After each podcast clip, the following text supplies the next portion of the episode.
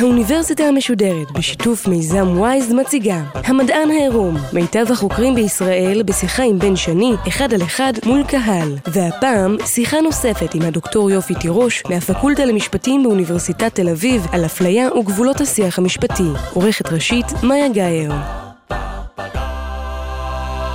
ערב טוב, ערב טוב לקהל בבר שנקרא פולי כאן בתל אביב, ערב טוב למאזיני גלי צה"ל שמצטרפים אלינו לחלק השני של המפגש עם הדוקטור יופי תירוש שעוסק כולו באפליה ומשפט. דיברנו בחלק הראשון על כך שאפליה היא הרגל מגונה אולי, אבל קיים בכולנו, נטייה טבעית שעמדנו על הצורך שלנו להילחם בה גם בצורה ממוסדת. הסברנו למה המדינה ומערכת המשפט צריכות להילחם באפליה ועמדנו על הכלים שיש להן לעשות זאת. התחלנו גם לדבר על המקומות שבהם האפליה נמצאת, לעתים במקומות פרטיים כמו למשל הכניסה למועדונים ולפעמים במקומות שהמדינה רואה צורך להתערב בהם. בחלק הזה של המפגש איתך אני רוצה שנעסוק בלב המחקרים שלך, התחומים שבהם אנחנו נוהגים להפלות אפילו בלי כוונה ולעיתים להפך מתוך הצדקות דתיות או אידיאולוגיות או אחרות. אנחנו במדען העירום של גלי צה"ל, השם של התוכנית שלנו הולך טוב עם התחום הראשון שאנחנו עומדים לדבר עליו. הוא עוסק בתחום שאני בורר את המילים, אבל אני אגיד את זה פשוט, כי אני לא, לא מצאתי מילה אחרת. שמנים? לגמרי. זה לא פלא שאתה בורר את מילותיך בן, אבל אתה יכול להרגיש חופשי. המילה שמן, או בארצות הברית fat, היא מילה שכולנו מרגישים לא נוח להשתמש בה כי היא מילת גנאי כזאת, אבל אנשים שפעילים בעולם הזכויות של שמנים אה, ולימודי שמנים טוענים בעלות מחדש על המילה הזאת ואומרים המילה הזאת א' היא לא קלינית, זה לא אוביס והיא לא אה, מייפה את העניינים, זה לא שמנמן, זה לא הגלגל, כן, זה לא כל הדברים האלה. זה לא עודף משקל. זה לא עודף משקל שגם זה רפואי, וגם זה קליני, אלא אנחנו נגיד את זה כפי שזה, ואנחנו, כמו שעשינו עם מילים כמו קוויר, שהייתה מילת גנאי, אה, גם עם המילה הזאת, זאת המילה, כן, תגידו את זה כפי שזה, אז יש לך אישור פה, אקדמי. אז בואי נשאל איפה השמנים מופלים.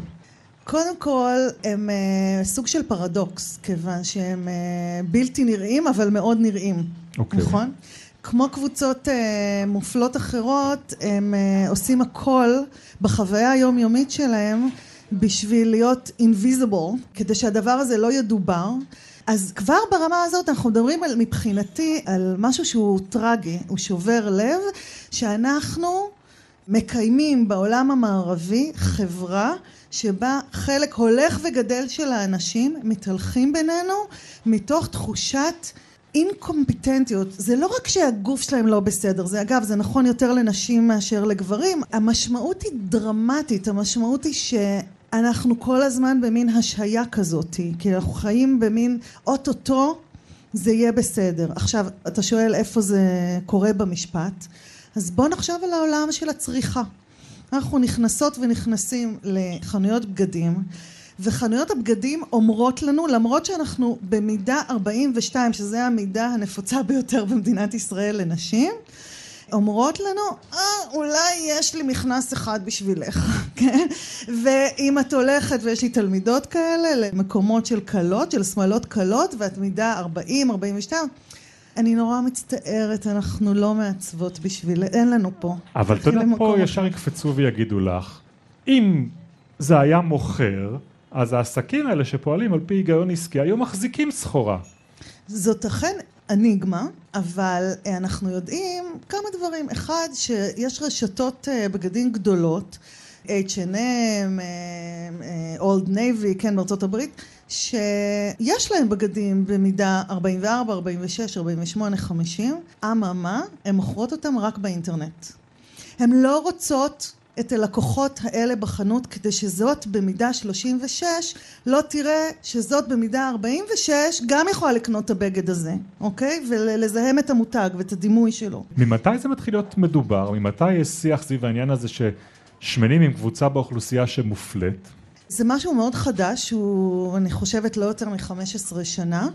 אבל הוא צומח במהירות ואיתו באמת צומחות ההתמודדויות המשפטיות עם הסוגיה הזאת.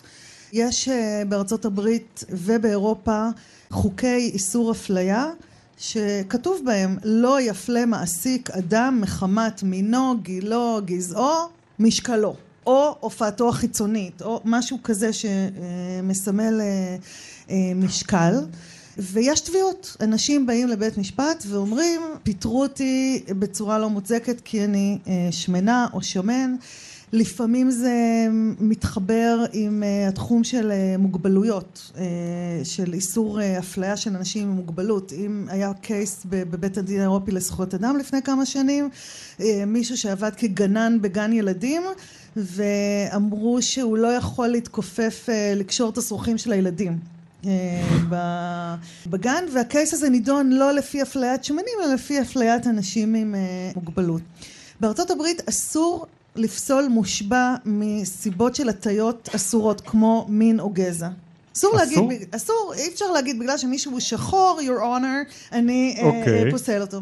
אבל כאשר בא העורך דין ואומר אני רוצה לפסול אותו כי הוא שמן כי המשקל שלו אומר לי שכילד הציקו לו והנאשם גם כן כילד הציקו לו אז הוא יזדהה איתו מדי והוא יזכה אותו כן? כל מיני כאלה דברים.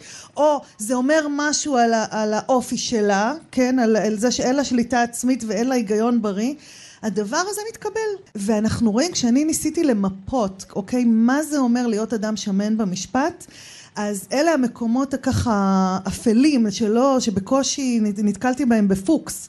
נתקלתי באיזה קייס למשל, שיש הסכם קדם נישואים, שכתוב בו שאם ג'יין תשמין, כתוב ג'יין will not get fat.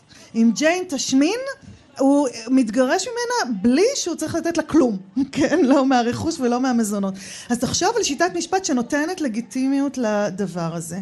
עכשיו, כמובן יש דברים הרבה יותר יומיומיים. אנשים שמנים, והנושא הזה עלה בארץ בשנה האחרונה, סובלים מיחס עוין של רופאים ושל צוות רפואי. כי יגידו לך הרבה אנשים שהדבר הזה הולך עם בריאות. נכון, יגידו, ואני אומר שהחברה ש... רוצה לחנך אנשים לא להיות עודפי משקל. אז יש לי פה שתי תשובות, זה מהלך טיפה מורכב, אז תהיה איתי. אוקיי. Okay. לאנשים האלה אני, אני אגיד ככה, תראו, אני יכולה להפנות אתכם למיליון מחקרים שמראים שלא כצעקתה. לא כל כך לא בריא להיות שמן, ולהפך יש תחומים שבהם משקל עודף הוא דווקא ממש מועיל לתוחלת החיים ולאיכות החיים. בוא נשים שנייה את זה בצד. אני רוצה להגיד לך משהו יותר רדיקלי מזה. אני אומרת, אתה יודע מה? משקל זה באמת לא בריא. ואתה יודע מה? אם רק כל אחד מאיתנו היה הולך לג'ים ומפסיק לאכול שוקולד, הוא היה יורד במשקל. וראוי שהמדינה תעודד את זה. וראוי שהמדינה תעודד את זה, אז תכף נגיע למדינה. אני אומרת, מידת הגוף שלנו זה משהו שאף אחד, לא המדינה, לא מעסיקים, לא מועדונים, לא אף אחד יכול להתערב בו, אנחנו צריכים להתחיל לחשוב עליו כמו שאנחנו חושבים על חופש דת. הרי אף אחד לא ייגע לנו במה אנחנו מאמינים, נכון? אני מרגישה שאין לנו מספיק שפה לדבר על החוויות החושיות הכי בסיסיות של מה זה להיות עשרה קילו יותר, עשרה קילו פחות. זה שלי. אני אחליט בעניין הזה, וכשהמדינה תגיד לי, אם את לא תרדי במשקל, אני אקח ממך יותר פרמיית ביטוח, או אני ארשה למעסיקים להפלות אותך, בעיניי זה לא פחות מברברי. איפה את רואה את זה במשפט? איפה המחקרים שלך מוצאים את המקומות שאותם את למעשה סופרת, חוקרת, בודקת בתוך המשפט? הנושא הזה של אפליית שמנים. נתונים על אפליית שמנים יש להם מכביר בחו"ל, פחות בארץ, בכל היבט שהוא. תשמח לדעת בן שגברים סובלים מזה הרבה פחות מנשים, מאפליית שמנים. אפילו יותר מזה, יש פה גברים רזים בקהל, אני רואה אתכם. גבר רזה מבחינת uh, השכר שלו, סיכויי הקידום שלו וכולי, הוא יקבל פחות מגבר שהוא עשרה, חמש עשרה, עשרים אחוז יותר מאשר טבלאות הגובה והמשקל. זאת אומרת, אנחנו רוצים גברים שתופסים מקום בעולם. אצל נשים, מהקילו הראשון אנחנו רואים סנקציות גם שמשפיעות על, ה, על ההשתכרות, גם שמשפיעות על מדדים סוציו-אקונומיים כמו אה, מטר רבוע פר נפש, אה, סיכויי אה, נישואים, מה שלא תרצה. את יכולה לתת לי אבל דוגמה למחקר? איך חוקרים את הנושא הזה? האפליה של שמנים בחברה? יש אה, כל מיני סוגים של מחקרים, מלשים אה, אנשים בסיטואציה דמה כזה, כן, עם, אה, עם שחקנים, ולשאול אותם את מי היית מקבל לעבודה, שחקן כזה או שחקן כזה. יש לי קולגה באוניברסיטת תל אביב שעושה מחקרים שבהם היא שמה משהו, איזשהו משהו למכור באי-ביי. ויש תמונה של המוכרת שהיא שמנה ותמונה של מוכרת שהיא רזה והיא מראה באופן מדהים שהרזות מקבלות על אותו מוצר עצמו הצעה יותר גבוהה. אנחנו יודעים שההנחה של המדינה ושל רופאים ושל קופות חולים וכולי, שאם רק יסבירו לאנשים שהם צריכים לאכול פחות, אז הכל יהיה בסדר, היא הנחה נאיבית, היא עושה בדיוק את ההפך ממה שצריך. אז דיברנו על התחום הזה שאת אה, עוסקת בו. התחום לא פחות רחב שאת מתעסקת בו זה נושא של אפליית אה, נשים. אני בטוח שאולי בניגוד לנושאים שדיברנו עליהם בחלק הראשון, כאן יש 50% מהמאזינים כבר נמצאים באיזושהי עמדת התגוננות, mm-hmm. אפילו באים ויטענו אין דבר כזה, על mm-hmm. מה את מדברת? היא לא מבינה יותר ממני בעניין הזה, שזה עניין של עמדה, זה בכלל לא עניין של מדע. נכון. זה מאוד עצוב ש, שהרבה מהמאזינים, ו, וחלק מהמאזינות אגב, קצת יאטמו בעניין הזה, זה חבל. בכיתות שלי אני אומרת, כמו שאמרנו קודם, שאין אה, מועצת זקני הגברים שיושבת וזוממת איך להשאיר את הנשים מאחור. ויותר מזה, אנחנו כולנו חלק מהדינמיקה שמשאירה את הסטטוס קוו המגדרי על כנו, ולא נעים לומר, לפעמים נשים גם מרוויחות ממנו, הן לא רק מפסידות ממנו, יש לנו גם uh, יתרונות, וזה תמיד מצחיק אותי שהסטודנטיות שלי עד היום, אנחנו ב-2017, עסוקות בשאלה למה הוא לא שילם בדייט הראשון. כן? למרות שאנחנו ב-2017. אז כן, אז יש מגננה, אבל אני כן חושבת שהדיבורים על פוסט פמיניזם ועל זה שאנחנו בעידן של שוויון, אני לא חושבת שמישהו ברצינות יכול אה, להגיד אותם היום, עדיין. כל תחום, כל חיתוך שהוא שתיקח של החברה הישראלית, מהשאלה כמה נשים נרצחות על ידי בני זוגם וכמה גברים נרצחים על ידי בנות זוגן, דרך השאלה כמה גברים נאנסים מול כמה נשים נאנסות, ואם נעזוב רגע את המשפט הפלילי, פערי שכר, כמה נשים יש בכנסת, כמה נשים יש בביזנס, כמה נשים יש באקדמיה, זה לגבי אה, שוק העבודה, איזה טייפקאסט יש בתקשורת, איפה נמצאות נשים בתקשורת. אבל את תסכימי איתי שאנחנו בכיוון טוב. תראה, חשבתי את זה. כשנסעתי לדוקטורט בסוף שנות התשעים, חשבתי שאנחנו בכיוון טוב. היום אני לצערי לא יכולה להגיד את זה. והסיבה המרכזית שאני לא יכולה להגיד את זה, זה מגולם בהתרחבות של התופעות של הדרת נשים במדינת ישראל. אנחנו רואים uh, תופעות בכל מיני uh, uh, מישורים שבהם זה לגיטימי להגיד נשים לא, נשים הצידה, נשים כן אבל בתנאי שהן צנועות. זה חדש, זאת אומרת זה תמיד היה באיזושהי מידה, אבל לא הייתה לזה לא את, ה, את הלגיטימיות ואת ה... מה זה יגיד לך שזה תמיד היה? כי זה, כי זה הלכה, ופה פתאום, פתאום נכנס איזשהו מתח בין שני מיעוטים אם תרצי להגיד, mm-hmm. בשתי קבוצות שיש להם זכויות, mm-hmm.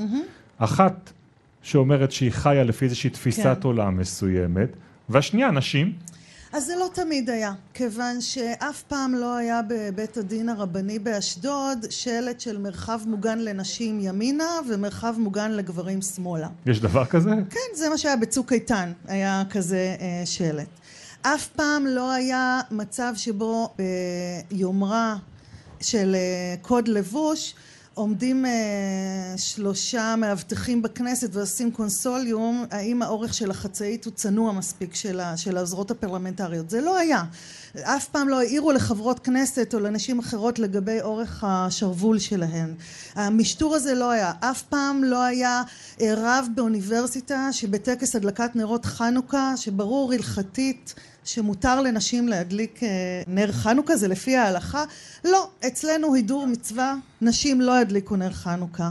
אף פעם לא היה שאת מגיעה לבית עלמין, שיש כמעט מונופול על בתי עלמין בניהול הדתי, ואומרים לך, את, כיוון שאת אישה, צריכה לעמוד פה יחד עם כל הנשים, ואת גם לא תספידי את אביך, בגלל שאת אה, אישה. הכנת הספד, תתני אותו לאח שלך, שהוא אה, יקריא אותו.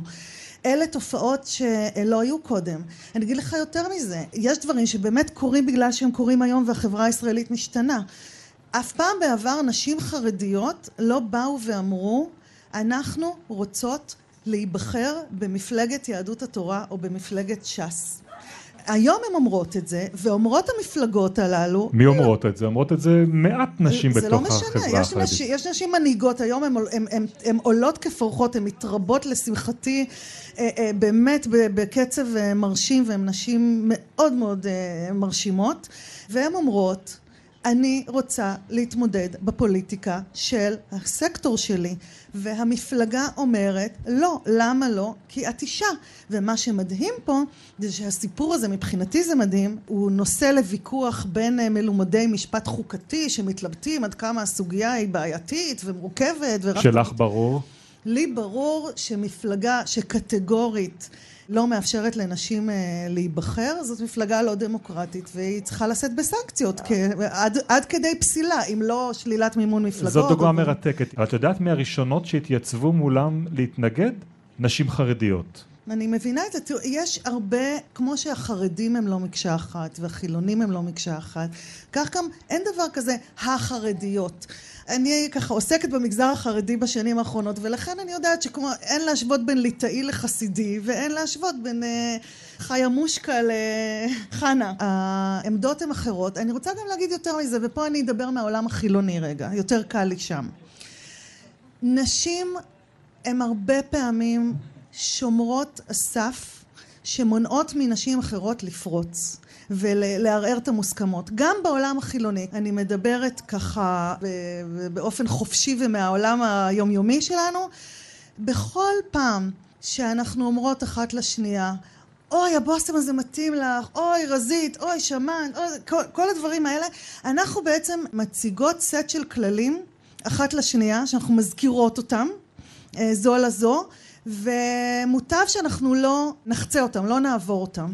עכשיו, זה מאיים על כולנו, זה גם נורא טבעי. אם אני כל החיים שלי הקפדתי אה, להיות מטופחת ולהכניס את הבטן ולעשות כל מה שצריך, אז למה שמישהי אחרת פוחזת תבוא פתאום ולא תעשה גבות? זה מאיים, זה מרגיז, אה, זה משנה סדרי עולם. את יודעת, אני מקשיב לך בדקות האחרונות, שאנחנו מדברים בעיקר על הנושא הזה של, של אפליית נשים, ואני אומר, רגע, אני כבר לא מאזין דווקא לחוקרת, ודווקא לאשת האקדמיה, אלא אם אני מאזין לפעילה. את מודעת לזה? תראה, אני לא מאלה שסבורים שלפחות במדעי החברה והרוח אפשר להיות אה, מדען מנותק שרואה את הדברים מלמעלה וחוקר איזה צפרדע או איזה מולקולה, כן, בצורה אה, אובייקטיבית. אני חושבת שכל החברים שלי ואני בסופו של דבר במובן מסוים כותבים על עצמנו. אני גם חושבת שכמו שבמדעי הטבע והמדעים המדויקים מאוד מקובל ליישם את תוצאות המחקרים, לפתח פטנטים ותרופות, סטארט-אפים וכולי, ככה בתחום שלנו אנחנו לא מספיק מכירים בזה שגם עלינו יש חובה ולפחות לגיטימציה ליישם את מה שאני יודעת מחקרית על השטח. החברה הישראלית חשובה לי, אני לא מתביישת בזה ואני מקדישה הרבה מעיתותיי אה, להיות אה, חברת הנהלה בארגונים כמו שדולת הנשים בישראל, אה, לייעץ לנציבות שוויון הזדמנויות בעבודה, להתעסק בשאלות בעצמי, כן, כאקטיביסטית, לפרש אה, נושאים אה, בוערים של זכויות אדם בתקשורת. כן, אז אני, הלהט הזה, אני רוצה להאמין שהוא מלווה אותי גם במחקר, אבל אני שמחה בו. אבל כשמישהו בא ואומר לך, לגשת למחקר צריך לגשת ממקום נקי. צריך לגשת ממקום שלא מגיע עם איזושהי דעה קדומה, בטח לא עם אג'נדה כשמסתכלים אה, על העולם בתחומים האלה. מה תעני לו? אני חושבת שזאת אשליה, אני חושבת שגם אנשים שמגיעים אה, לחקר אבולוציה או לחקר כלכלה הם מגיעים עם השקפה אה, מסוימת אבל אני חושבת שגם אם יש לי פרספקטיבה כל עוד אני מגבה אותה, משכנעת בה, מוכיחה שהתזה שלי יושבת טוב אז לאט זה לא אה, רע בכלל. את חוקרת של המשפט ובהרבה, גם מהדוגמאות שאת ציינת, מי שקבע בסופו של דבר את הסטנדרט, מי שבסופו של דבר קידם את מקומם של אנשים, היה בית המשפט. אני, הדבר הראשון שאני חושב עליו זה, זה בג"ץ אליס מילר ש, שהכניס אה, נשים לקורס טיס, מה שנתפס עד לאותו רגע כ, כבלתי אפשרי בכלל, והיום הוא כבר מציאות. בית המשפט שלנו באמת כל כך מתקדם? בית המשפט שלנו זה דבר דינמי, בית המשפט שלנו היום זה לא בית המשפט שלנו לפני עשר שנים, ההרכב שלו אה, משתנה. בית המשפט היום הוא גם בית משפט הרבה יותר חלש, הוא מאוים, מדברים איתו בכל פעם שהוא עושה משהו שנתפס כאקטיביסטי, כמשנה את האיזון בין אה, מערך הכוחות בין, אה, בין הממשלה לבית המשפט בתור אה, בית משפט שצריך ל, ל, להביא אליו דחפור, כן, D9 וכולי. אני תופסת את בית המשפט היום כבית משפט הרבה יותר זהיר. והדבר הזה מעציב אותי, כי יש תחומים היום שיושבים על שולחנו שדורשים אה, אמירה ברורה ואמיצה. למשל, ש... איזה תיקים נמצאים ולא לא הגיעו להכרעה? למשל, הסיפור הזה של הבחירות של הנשים החרדיות. יש, יש שני, בגץ תיק, נגד... שני בג"צים פתוחים ועומדים בסוגיה הזאת. אה, שאמורים לחייב את המפלגות החרדיות לאפשר לנשים להיכלל ברשימה שלהם לכנסת. כן, בדיוק, ונראה מה יהיה שם. אה, יש תיקים שעוד יגיעו לפתחו. יש סוגיות של הדרת נשים שבינתיים בית המשפט עסק בהם בצורה מאוד אה, מתחמקת. סוגיה אחת זה הסוגיה של נשות הכותל, שהיא מאוד חמה היום עם ההסדר של, של הכותל שהתבטל. תיק שבאופן די מדהים הוא נפתח בסוף שנות ה-80, אנחנו מדברים על 30 שנה, ולמרות שמהרגע הראשון נפסק שהזכות של הנשים הללו מופרת, הן רוצות להתפלל לפי ההלכה, אין שום דבר לא חוקי, כן, מבחינה יהודית במה שהן עושות, אז אה, רגשות הציבור, רגשות המתפללים, אה, האלימות של המתפללים, כל הדברים האלה נתנו לגיטימציה להגיד כן, יש להם זכות, אבל בית המשפט משנת 94 ועד היום שוב ושוב ושוב שולח את הנושא לוועדות. תוקם עוד ועדה ועוד ועדה ועוד ועדה ובינתיים הן לא מקבלות את הזכות שלהן. אה, נושאים אחרים שלדעתי יגיעו לפתחו של בית המשפט בצורה כזאת ואחרת זה הנושא של אפרופו אליס מילר אתה אומר שדברים משתפרים אז אליס מילר מייצגת אה, שיפור במצב הנשים בצבא יש להם יותר תפקידים יותר הזדמנויות צה"ל מכיר בתרומה שלהן הפוטנציאלית. אין לך ספק, אבל... יש שם גדודים מעורבים, יש נשים mm-hmm. כמעט בכל התפקידים. נכון, נכון, אבל זה, זה מה שצה"ל עושה ביד אחת, כן. וביד השנייה צה"ל מייצר הסדרים בלתי נסבלים להפוך את צה"ל לצבא שאפשרי לחרדים ולדתיים לאומיים. בקצרה, לחרדים צה"ל מבטיח אה, שירות סטרילי מנשים. אישה לא יכולה לדבר עם גבר חרדי בקשר, אישה לא יכולה להדריך גבר חרדי. וזה לא המחיר אה, שאנחנו כחברה יכולים להחליט שאנחנו מוכנים לעמוד בו, הרי הדימוי העצמי של נשים בצבא לא נפגע, נשים הן טייסות קרב היום, אז כדי שנכניס פנימה חרדים, שאנחנו יודעים מה הם עוברים כדי לשרת בצבא ובאיזה התנגדות הם נתקלים כשהם חוזרים הביתה עם מדים לרחובות של מאה שערים. אז יקרה דבר כל כך נורא, שואלים אותך, אם לא נגרום למדריכת חי"ר לעמוד מולם במטווח, אלא למדריך חי"ר? זה מאוד uh, אופטימי מצדך לחשוב שאת הדברים האלה אפשר uh, להכיל, uh, לתחום. צה"ל הוא אה, גוף כל כך אה, מרכזי בחברה הישראלית שהקידוד שהוא עושה, הנורמות שהוא קובע, הן נורמות שהולכות אחר כך לשוק העבודה, לספירה הציבורית. להגיד אה, שבגוף כזה אישה כאישה מנועה מלמלא תפקידים מסוימים, להיכנס לבסיסים מסוימים, לדבר בקשר, זה להגיד משהו על לאן הולכת החברה הישראלית. עכשיו אני אגיד יותר מזה, אני כל הרטוריקה לגבי שירות חרדים בצה"ל, ולא דיברנו עוד על דתיים לאומיים ועל לימוד של חרדים באקדמיה, היא רטוריקה של שילוב ושל הנגשה. אני לא מכירה מודלים של שילוב ושל הנגשה של קבוצה אחת שאומרים שכדי שהקבוצה הזאת תשולב, קבוצה אחרת תודר, תצא החוצה.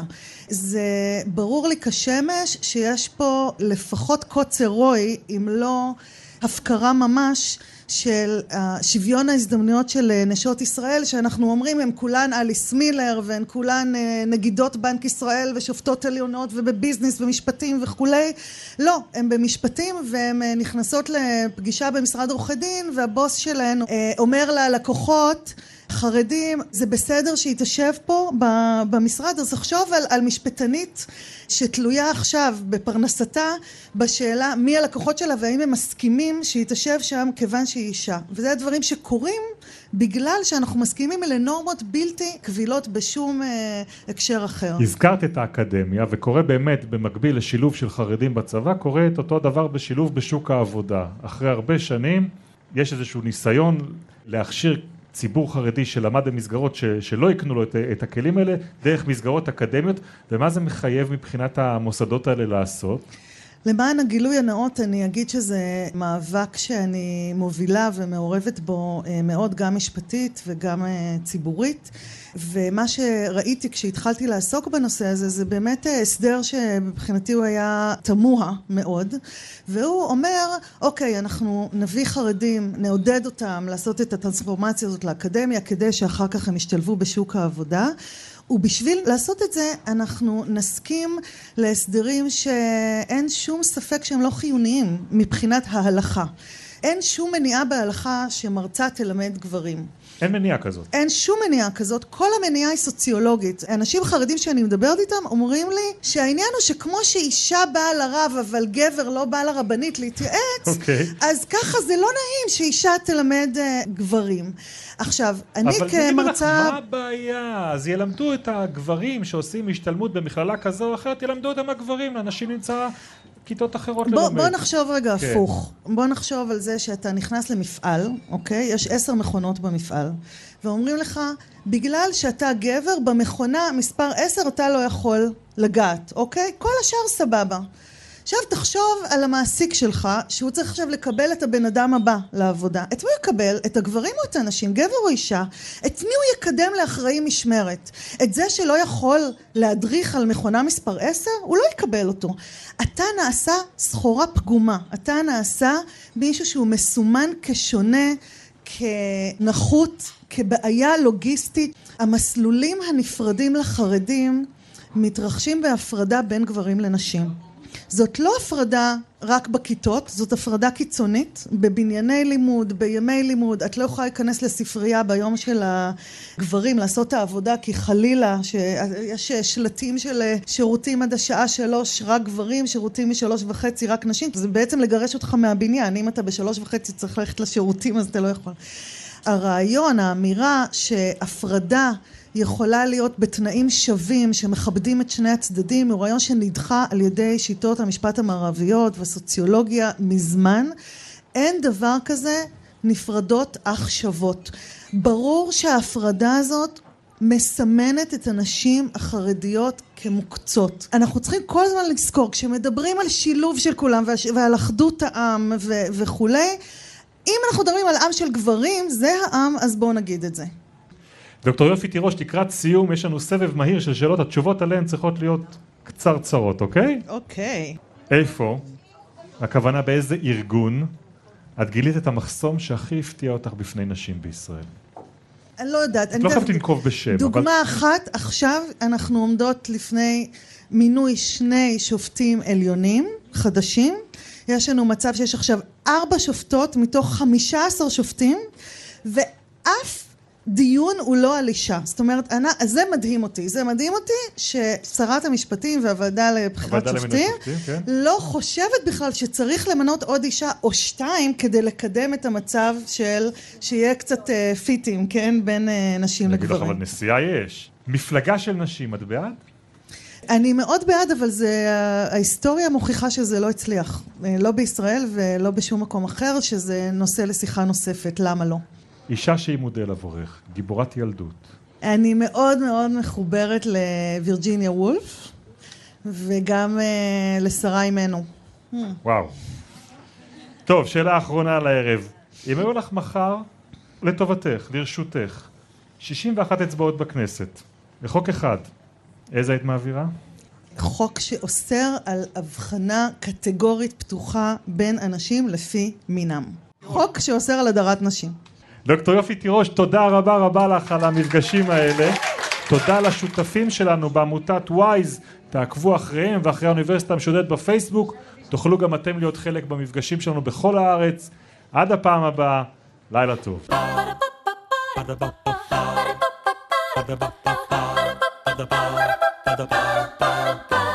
האוניברסיטה המשודרת, המדען העירום. בן שני שוחח עם הדוקטור יופי תירוש מהפקולטה למשפטים באוניברסיטת תל אביב על אפליה וגבולות השיח המשפטי. עורכת ראשית, מאיה גאייר. עורכים ומפיקים, אביגיל קוש ונחום וולברג. מפיקה ראשית, יובל שילר. ביצוע טכני, שי לביא, ליעד גרושקה ועד ארנקי. מנהלת תוכן, מאיה להט קרמן. עורך הדיגיטל, עירד עצמון שמייר. האוניברסיטה המשודרת, בכל זמן שתרצו, באתר וביישומון של גל"צ, וגם בדף הפייסבוק של האוניברסיטה המשודרת.